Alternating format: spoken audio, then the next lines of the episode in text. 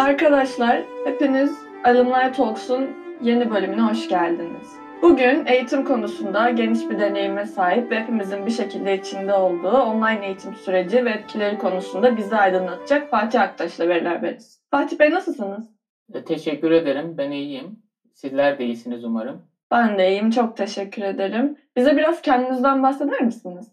Ee, tabii ki e, ben Fatih Aktaş. E, şu anda Edinburgh Üniversitesi'nde karşılaştırmalı eğitim ve uluslararası kalkınma bölümünde öğretim görevlisi olarak çalışmaktayım. E, Türkiye'de Fırat Üniversitesi'nden mezun oldum Elazığ'da ve eğitim hayatım boyunca e, Türkiye İnsan Kaynakları Vakfı'nda burslu öğrenciydim ve aynı zamanda e, Edinburgh'daki Uluslararası e, Gençlik Ödülü programını altın kategorisinde tamamladım. E, lisans eğitimimin tamamlanması üzerine üniversite son sınıfta Fulbright bursuna başvurdum ve Fulbright bursunu almam üzerine Amerika Birleşik Devletleri'ne gittim. Yaklaşık 6 ay kadar önce Florida Eyalet Üniversitesi'nde dil eğitimimi tamamladım ve daha sonra Lehigh Üniversitesi e, karşılaştırmalı ve uluslararası eğitim bölümünden e, kabul aldım. İki sene yüksek lisansımı orada tamamladım ve akabinde yine aynı üniversite ve bölümden önce burs aldım. E, aynı bölümde doktora eğitimime başladım ve eğitim hayatım boyunca üniversitede e, araştırma görevlisi olarak da çalıştım. E, teknoloji biriminde de çalıştım ve 2017 sonu itibariyle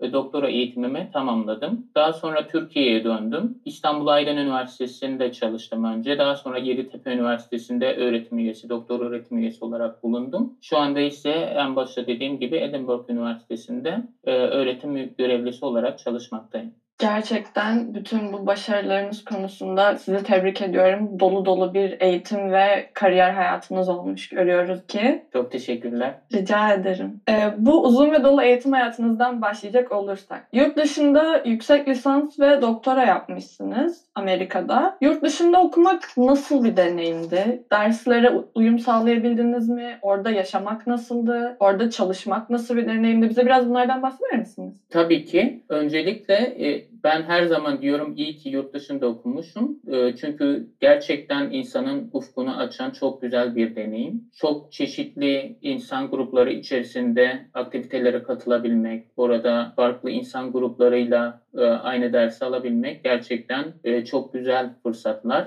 E, tabii ki en başta ilk yurt dışına gidiş aşamasında insan biraz zorlanıyor. Çünkü tabii ki gitmiş olduğunuz ülkenin eğitim sistemine de bağlı ama çeşitli eğitim sistemindeki çeşitli farklılıklardan dolayı uyum biraz zaman alıyor. İşte yapmanız gereken ödevler, veya almış olmanız gereken testler değişiklik gösterebiliyor. Ama ben yaklaşık bir 6-6,5 sene kadar yurt dışında kaldım. E, şimdi dönüp geriye baktığım zaman gerçekten hem bireysel anlamda hem de profesyonel anlamda bana katkısının çok ama çok olduğunu biliyorum. Öncelikle global bir dünyada yaşıyoruz ve bu global dünyada daha başarılı olabilmek için empati yeteneğimizin, farklı kültürleri anlama yeteneğimizin çok daha gelişmesi lazım. Ve yurt dışındaki eğitim deneyimi sizlere gerçekten e, bunu mümkün kılıyor. Ben hatırlıyorum sınıfımda Afganistan'dan öğrenciler de vardı, Kamboçya'dan öğrenciler de vardı, Amerikalı arkadaşlarım da öğrenciler de vardı, Fransa'dan öğrenciler de vardı ve aynı zamanda ben eğitim hayatıma ek olarak Fulbright bursuyla gitmiş olduğum için e,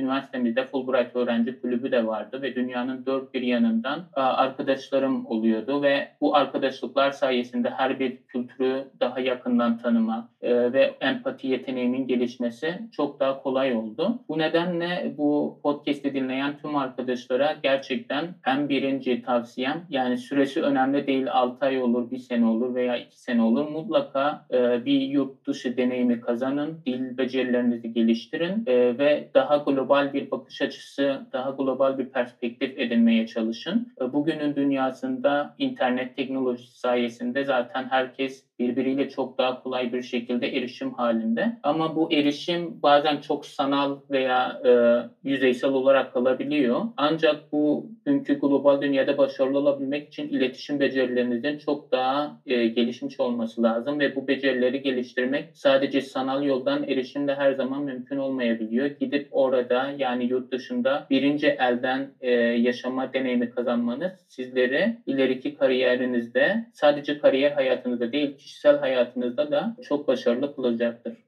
Deneyimlerinizi bizimle paylaştığınız için ve tavsiyeleriniz için tekrar çok teşekkür ederiz. Gerçekten böyle şeyleri birebir yaşamış birinden duymak çok değerli. Peki uzun eğitim hayatınızdan birazcık bahsettik. Ee, bu eğitim hayatının üzerine yine eğitim konusunda bir kariyeriniz var. Direkt eğitim odaklı dersler veriyorsunuz ve bu konuda çalışıyorsunuz. Karşılaştırmalı eğitim ve eğitimin kalkınması vesaire konularında. Bu alanda bir kariyer takip etmeye nasıl karar verdiniz? Hani evet ben eğitim konusunda çalışmak istiyorum. Kararını nasıl verdiniz? E, tabii ki aslında bu Türkiye'deki en temel sorunlardan birisi diyebilirim. Üniversite bölümünü seçerken neye göre karar veriliyor? Dürüst olmak gerekirse üniversitedeki bölümümü seçerken çok bilinçli bir tercih yaptığımı düşünmüyorum. Bilgisayar öğretmenliğini okudum ama ben biraz daha sosyal bilimlere kişisel olarak da daha yatkın biriydim. Ama dediğim gibi bilinçli bir tercih olmadığı için bilgisayar öğretmenliğini kazandım. Ve o bölümü de yine birinci olarak bitirdim ama aklımın her bir tarafında sosyal bilimlere daha yatkınlık, sosyolojiye ve eğitim bilimlerine daha bir yatkınlık vardı. Ve üniversite hayatım boyunca her zaman üzerinde düşünmüş olduğum sorulardan birisi neden bazı ülkelerin eğitim sistemi ülkemizden daha iyi? Neden bazı ülkelerde yaratıcılık ve inovasyon çok daha ileride? Neden mesela Finlandiya gibi küçük bir ülke nüfus bakımından tabii ki çok daha yaratıcı, inovatif şirketler ortaya çıkarabiliyor ve bunun altında yatan eğitim sistemi ne olabilir? Ve bu konular üzerine sadece düşünmekle kalmadım, araştırmalar da yaptım ve bu ülkelerin eğitim sistemlerinin çok daha farklı olduğunu, daha öğrenci merkezli olduğunu, kişilere çok erken yaştan itibaren gerek yaratıcı düşünme, gerek eleştirel düşünme, iletişim becerilerini geliştirme ve işbirliği becerilerini geliştirme yolunda çeşitli müfredatta, programda uygulamalar yapıldığını keşfettim. Tabii bir üniversite öğrencisi olarak bunlar çok yüzeysel seviyedeydi o dönemde. Ama o dönemde aklımdaki ilk soru ben başka ülkelerin eğitim sistemini anlamak istiyorum. Başka ülkelerden neler öğrenebilirim? Onu ülkemize nasıl aktarabilirim gibi sorular üzerine düşünmeye başladım. Ve bu bağlamda Fulbright bursuyla karşılaşmıştım aslında. Tabii bu burs hakkında bilgi edinmem yine öncelikle bireysel çabalarım sonucunda oldu. Çünkü üniversitede ilk sınıftan itibaren kafamda her zaman e, yurt dışına gitmek, yüksek lisans ve doktora yapmak fikri vardı. Ve aynı zamanda en başta dediğim dediğim gibi Türkiye İnsan Kaynakları Vakfı'ndan da burs alıyordum ve bu vakfın da çeşitli yönlendirmeleri oldu benim. Yurt dışı imkanlarına yönlendirdi, yurt dışı imkanları araştırmaya yönlendirdi. Bu bağlamda e, 4 sene boyunca e, ortalamamı hep iyi tutmaya çalıştım. Dil becerilerimi geliştirdim ve üniversite son sınıfta Fulbright bursuna başvurdum. Ve Fulbright bursunu kazanmam üzerine hayalim olan karşılaştırmalı uluslararası eğitim bölümünde yüksek lisans eğitimime başlama fırsatı doğdu. Ve alanımı çok sevdiğim için e, yüksek lisansımı tamamlamam üzerine yine aynı bölümünde doktora eğitimime devam etme kararı aldım. Tabii bu da üniversiteden burs almam ve daha sonrasında araştırma görevlisi olarak çalışmam sayesinde oldu. Yüksek lisans ve doktora eğitimim boyunca yine çeşitli ülkelerin eğitim sistemlerini araştırma fırsatım oldu. Ee, sadece gelişmiş olan ülkeler değil aynı zamanda gelişmekte olan ülkelerin eğitim sistemlerini de daha iyi irdeleyebildim. Mesela Kamboçya eğitim sistemi üzerine e, çalışmalarda bulundum. E, ve yine akabinde Türkiye'ye dönmem üzerine yine karşılaştırmalı eğitim, eğitim sosyolojisi, eğitim felsefesi, karşılaştırmalı eğitim ve uluslararası kalkınma gibi dersler üzerine yoğunlaştım. Diğer ülkelerin eğitim sistemlerini anlayabilmek, ülkemizin eğitim sistemini anlayabilmek, ülkemizin eğitim sistemini diğer ülkelerin eğitim sistemleriyle karşılaştırmak ve ülkemizdeki çeşitli eğitim sorunları, sorunlarını çözebilmek için diğer ülkelerden benzer sorunlar yaşayan ülkelerden neler öğrenebiliriz üzerine çalışmalar yapmak aslında temel amacım. Zaten şu anda Edinburgh Üniversitesi'nde vermiş olduğum dersler de mesela vermiş olduğum bir ders yine karşılaştırmalı eğitim ve uluslararası kalkınma üzerine ve bu derste yine eğitimin ekonomiyle ilişkisi, eğitimin siyasetle ilişkisi, eğitimin sosyolojiyle ilişkisi, çeşitli uluslararası kuruluşların, Birleşmiş Milletler olsun, Dünya Bankası olsun, UNICEF olsun, UNESCO olsun, eğitim politikalarının şekillendirilmesi üzerindeki rolleri gibi konular üzerinde tartışmalarda bulunuyoruz. Bir vermiş olduğum diğer ders yine eğitim politikaları üzerinden ve üçüncü ders ise araştırma yöntemleri üzerine bir ders veriyorum. Anlayacağınız üzere aslında üzerinde durmuş olduğum konular ve vermiş olduğum dersler daha çok interdisipliner bakış açısı gerektiren dersler. İnterdisipliner ile ne demek istiyorum? Olaylara sadece tek bir disiplin, tek bir perspektiften bakmaktan ziyade eğitimin diğer konularla, diğer disiplinlerle ilişkisini irdelemek aslında temel amacımız. Gerçekten aslında pek çok insanın 12 yıllık bir zorunlu eğitim hayatı ardından 4 senelik mümkünse bir üniversite hayatından sonra bitmiş kabul ettiği bir alanı siz hayatımızdaki diğer pek çok alanla e, karşılaştırmalı inceleyerek büyük de bir fark yaratıyorsunuz aslında hani bu e, alanda çalışan insanlar olarak. Çünkü aslında eğitim hayatımızın hiçbir döneminde böyle başlamış ve bitmiş kabul edebileceğimiz bir şey değil. E, hayatımızın pek çok alanı direkt olarak etkileyen bir kavram ve bu ilişkilerin ortaya çıkarılması aslında dünyanın işleyişindeki ve insanların ilişkilerinin belki de işleyişindeki pek çok e, göz ardı edilen noktayı da ortaya çıkaracak. Bu noktada ben verdiğiniz e, eğitim felsefesi dersine gelmek istiyorum. Siz bu konunun genel olarak eğitimciler arasında göz ardı edildiğini düşünüyor musunuz? Ee, yani genel olarak eğitim felsefesi, eğitim sosyolojisi gibi dersler maalesef birinci derecede üzerinde durulan dersler olmuyor ama son yıllarda e, öneminin biraz daha anlaşıldığının inancındayım Türkiye'de de. E, ve bu dersler artık e, eğitim fakültelerinde de zorunlu ders olarak okutulmaya başlanıyor. E, eğitim felsefesi, eğitim sosyolojisi gibi dersler çok ama çok önemli. Çünkü sizin de e, dediğiniz gibi eğitim 12 sene ve 12 senenin sonunda eğitim bitti gibi bir bakış açısının olmaması gerek. Yaşam boyu öğrenme e, çok ama çok daha önemli hale geliyor ve bizler eğitimciler olarak e, gençlere bu bakış açısını nasıl entegre edebiliriz? Gençlerin bu bakış açısını benimsemesini nasıl sağlayabiliriz? Bu da eğitim felsefesi, eğitim sosyolojisi gibi dersleri alarak ve bu derslerin içeriğini daha içselleştirerek olabilir. Çünkü eğitim felsefesi derslerinde bizler aynı zamanda eleştirel düşünmenin de öneminden bahsediyoruz, yaratıcı düşünmenin de öneminden bahsediyoruz veya öğretmen merkezli bir eğitimin dezavantajlarından, öğrenci merkezli bir eğitimin gerçekleştirilmesi için gereken faktörler üzerine tartışmalarda bulunuyoruz ve aynı zamanda aslında bizler çok farklı bir dünyada yaşıyoruz.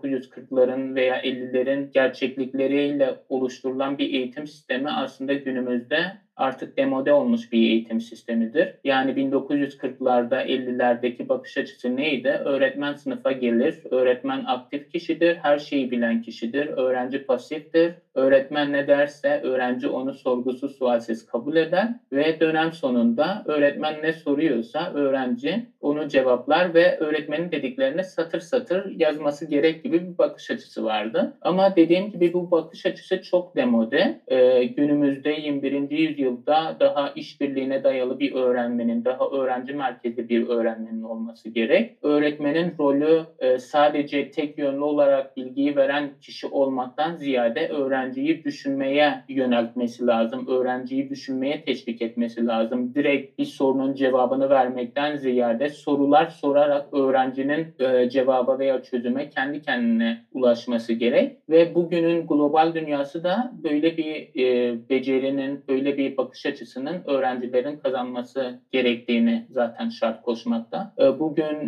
dünyada inovasyon bakımından ileride olan ülkelerin eğitim sistemlerine baktığımız zaman öğrencilerin çok daha aktif bir şekilde öğrenme sürecine katıldığını görebiliyoruz. Tabii ki çok klişe bir laf var. Think outside of the box. Hani farklı düşün. Tabii farklı düşünmek için de o gerekli öğrenme ortamlarının eğitimciler tarafından e, oluşturulması gerek. E, o nedenle benim de kariyerimdeki temel amacım öğrencilerimin e, hayatlarına dokunabilmek, onları düşünmeye teşvik edebilmek. Aslında onların bir birey olarak kendi potansiyellerinin farkına varmalarını gerçekleştirebilmek. Gerçekten kişinin hayatına dokunmak bir eğitimci olmanın en güzel taraflarından birisi. Aslında her bir birimiz, her bir birey kendi içimizde gerçekten güçlü yanlarımız var. Bazımız sosyal yönümüz daha güçlü olabiliyor. Bazılarımızın teknik yönü daha güçlü olabiliyor. Bazılarımız müzik açısından daha güçlü olabiliyoruz ama bunu her zaman ortaya çıkarabilmek çok öğretmen merkezli bir eğitimde mümkün olmayabiliyor.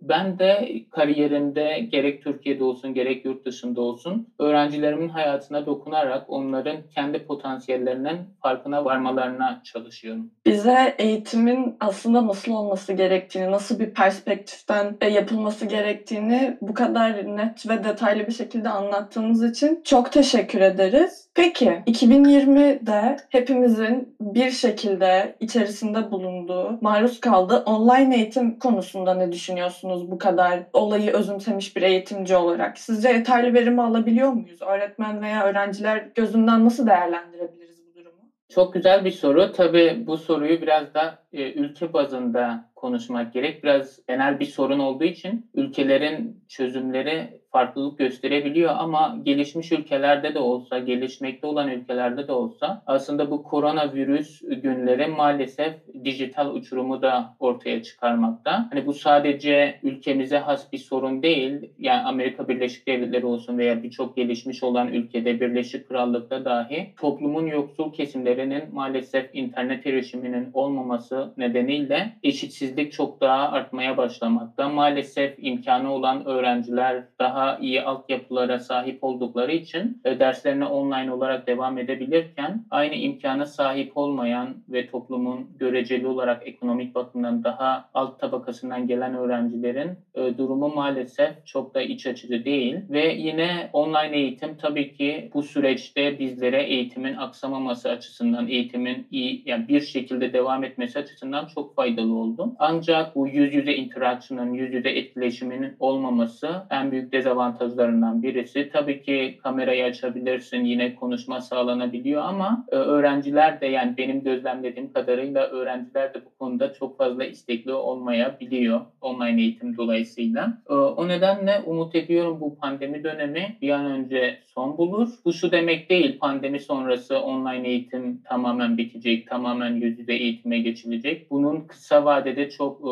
mümkün olmadığını düşünüyorum. Pandemi sonrasında yine online eğitim eğitim e, hayatımızda destekleyici olarak bulunacak eğitim hayatında. Ama eğitimin en ayrılmaz parçalarından birisi bu sosyalleşme yani sosyal becerilerin gelişmesi, eğitim sayesinde yani yüz yüze eğitim sayesinde kişilerin birbirini tanıması, iletişim becerilerinin gelişmesi e, çok daha önemli ve bunun online eğitimde yüz yüze eğitime göre aynı derecede etkili olabildiğini çok da düşünmüyorum. E, tabii ki burada genelleme yapmaktan kaçınmak gerek. Hangi öğrenci hangi seviyede konuşuyoruz? Üniversite seviyesi mi yoksa lise seviyesi mi, ilkokul seviyesi mi? Bunlar farklılık gösterebilir. Ama genel anlamda korona dönemindeki online eğitimdeki en büyük sorunlardan birisi bu dijital uçurum yani digital divide diye geçiyor literatürde. Teknolojik altyapıya sahip olanlarla olmayanlar arasındaki uçurumun gitgide artması. Ee, çünkü pandemi öncesinde dahi toplumun ekonomik olarak üst kısmından gelen öğrencilerle alt kısmından gelen öğrenciler öğrenciler arasında zaten gözle görülür bir adaletsizlik, eşitsizlik vardı. Pandemiden dolayı bu online eğitime geçiş sürecinde bu eşitsizlik çok ama çok daha artmaya başladı. Onun için bu dönemin sonrasında yüz yüze eğitimin daha önemli hale geleceği ama aynı zamanda online eğitimin de bir destekleyici kısım olarak devam edebileceğini düşünüyorum görüşlerinizi bizimle paylaştığınız için çok teşekkür ederiz. Bir anlamda şunu da söylemiş oluyorsunuz. Online eğitimden bu kadar aslında e, şikayet etmemize üstten bir şekilde bakan eğitimcilerin eğitim alıyorsunuz zaten. E, bunun başka bir komplementi, başka bir karşılığı olamaz. Aldığınız eğitim yine aynı eğitim gibi bir üstten e, söyleyişle öğrencilere karşı gelmesinin aslında bir noktada yanlış da bir bakış açısı olduğunu söylüyorsunuz diyebiliriz o zaman. Yani burada önemli olan nokta nicelikten mi bahsediyoruz, nitelikten mi bahsediyoruz? Hani haftada 10 saat online ders aldın, 20 saat online ders aldın ama öğrenme ne kadar aktif, öğrenme süreci gerçekten verimli mi? Bu çok önemli. Tabii bu aynı soruyu yine yüz yüze eğitimde de kendimize sormamız lazım. Yüz yüze eğitim alıyoruz diye veya 4 ders, 5 ders yüz yüze eğitim almak demek e, gerçekten öğrenme sürecinin çok ama çok verimli geçtiği anlamına gelmeyebilir. Burada da yine eğitimin eğitimin özüne, felsefesine inmeye çalışıyorum. Hani nitelik çok daha önemli. Eğitim için ayırmış olduğunuz süre içerisinde yapmış olduğunuz aktiviteler sizi ne kadar geliştiriyor? Gerçekten düşünme becerilerinizi geliştiriyor mu? Bunları kendimize sormamız lazım. E, tabii ki tepeden yani top down approach, tepeden bakma bakış açısı her zaman verimli olmayabilir. Online eğitim içe, içinde e, eminim ki güzel örnekler vardır. Nitelik açısından öğrenme iyi gelişiyor olabilir. Ama genel anlamda birçok literatür, birçok araştırmanın gösterdiği sonuçlar özellikle bu teknolojik altyapıya erişimi olanlarla olmayanlar arasındaki uçurumun çok daha arttığını bizlere göstermekte. Burada ben dinleyicilerimize vermek istediğim temel mesaj nitelik nicelikten çok daha önemli. 10 saat Zoom'da ders aldım veya 10 saat şu aktiviteye katıldım online olarak. Hani bu çok bir şey ifade etmeyebilir ama tam aksine eğer bu öğrenme süreci çok verimli geçiyorsa 2 saatlik bir ders almak belki 10 saatlik ders almanın yerini de tutabilir. Burada e, demek istediğim asıl şey eleştirel bakış açısı kazanmanız, sorgulamanız ve gerçekten bir yani sadece eğitimci olarak değil de öğrencilerin de kendine kendini sorgulayarak tamam ben 2 saat bugün bu derse katıldım ama bugünkü bu dersten ne edindim? Bana katkısı ne? Kariyerime katkısı ne olacak gibi kişilerin de kendisini sorgulaması gerekiyor. Çok haklısınız. O zaman öğrencilerin de bu ortamdan alabildikleri en fazla verim almak için biraz da eleştirel bakmaları ve nasıl bu vakti daha iyi değerlendirebileceklerini, kendilerine daha verimli bir katkı sağlayabileceklerini ölçüp biçmeleri gerekiyor. Çok doğru. Yani tek yönlü bir etkileşim yok burada. Aynı zamanda eğitimcilerin de kendilerini sorgulaması lazım. Hani ne tür aktiviteler yapmak lazım? Online eğitimde dediğim gibi etkileşim çok daha zor olabiliyor. Bu etkileşimi nasıl daha hızlandırabiliriz gibi eğitimcilerin de kendisini sorgulaması lazım. Yani burada eğitimde çok sevmiş olduğum bir e, söz var. One size doesn't fit all derler. Hani her şey için her şeyi çözen tek bir çözüm yoktur. Yani çözümler çok daha spesifik. Her bir sorun için ayrı bir çözüm var. E,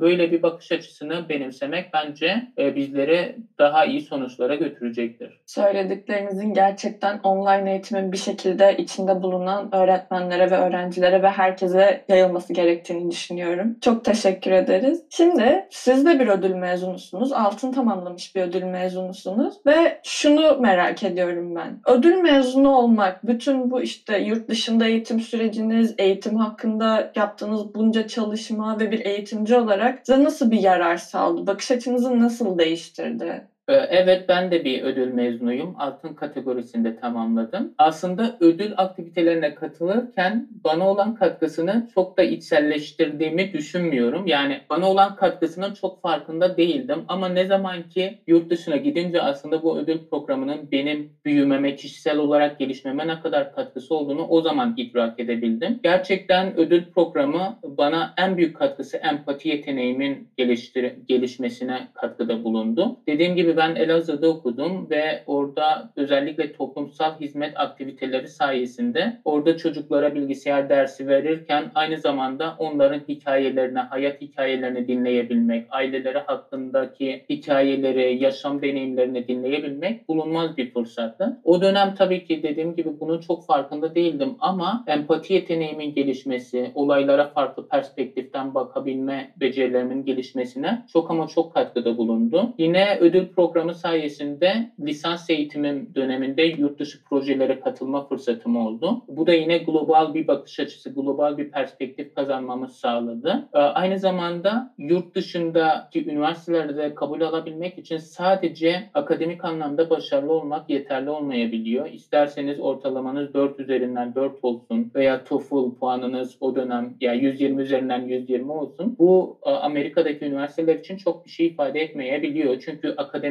başarının yanısı yanında topluma ne yapıyorsunuz? Topluma katkınız ne? Çevrenizdeki insanlara katkınız ne? Bunlar da çok ama çok önemli. Üniversiteler bunlara da çok önem veriyor. Tabii ki lisans eğitimim boyunca ödül programına katılmam, çeşitli aktivitelerde bulunmam sadece toplumsal hizmet açısından değil, aynı zamanda bireysel gelişim, fiziksel gelişim açısından çeşitli aktivitelerde bulunmam, üniversitelere başvuru aşamasında gerçekten bir fark yarattığını düşünüyorum düşünüyorum. O nedenle dinleyicilerimiz arasında yurt dışında yüksek lisans veya doktora yapmak isteyenler varsa tabii bu dediğim özellikle yüksek lisans aşamasında veya lisans aşamasında biraz daha önemli hale geliyor. Doktora aşamasına geldikçe akademik başarı bir tık daha ön plana gelmeye başlıyor. Ama genel anlamda bana en büyük katkısı dünyayı daha iyi algılamam, empati yeteneğimin gelişmesi ve global bir bakış açısı kazandırması diyebilirim. Eminim ödülde onu yapan kişilerden biri siz olduğunuz için içten içe mutludur. Peki son olarak dinleyicilerimize söylemek istediğiniz, anlatmak istediğiniz, vermek istediğiniz bir mesaj var mı? Dinleyicilerimize vermek istediğim mesaj bence herkes yani kendi potansiyellerinin farkında olmaları. Bu en temel mesajım olabilir. Çünkü dediğim gibi e, maalesef 1940'ların 50'lerin bakış açısıyla öğretmen merkezli bir bakış açısıyla baktığımız zaman eğitim sistemine öğrenciler çok daha pasif kalabiliyorlar ve kendi potansiyellerinin farkında olmayabiliyorlar. Ama kişiler bir defa kendilerine güvendikleri zaman veya potansiyellerinin farkında oldukları zaman gerçekten fark yaratabiliyorlar.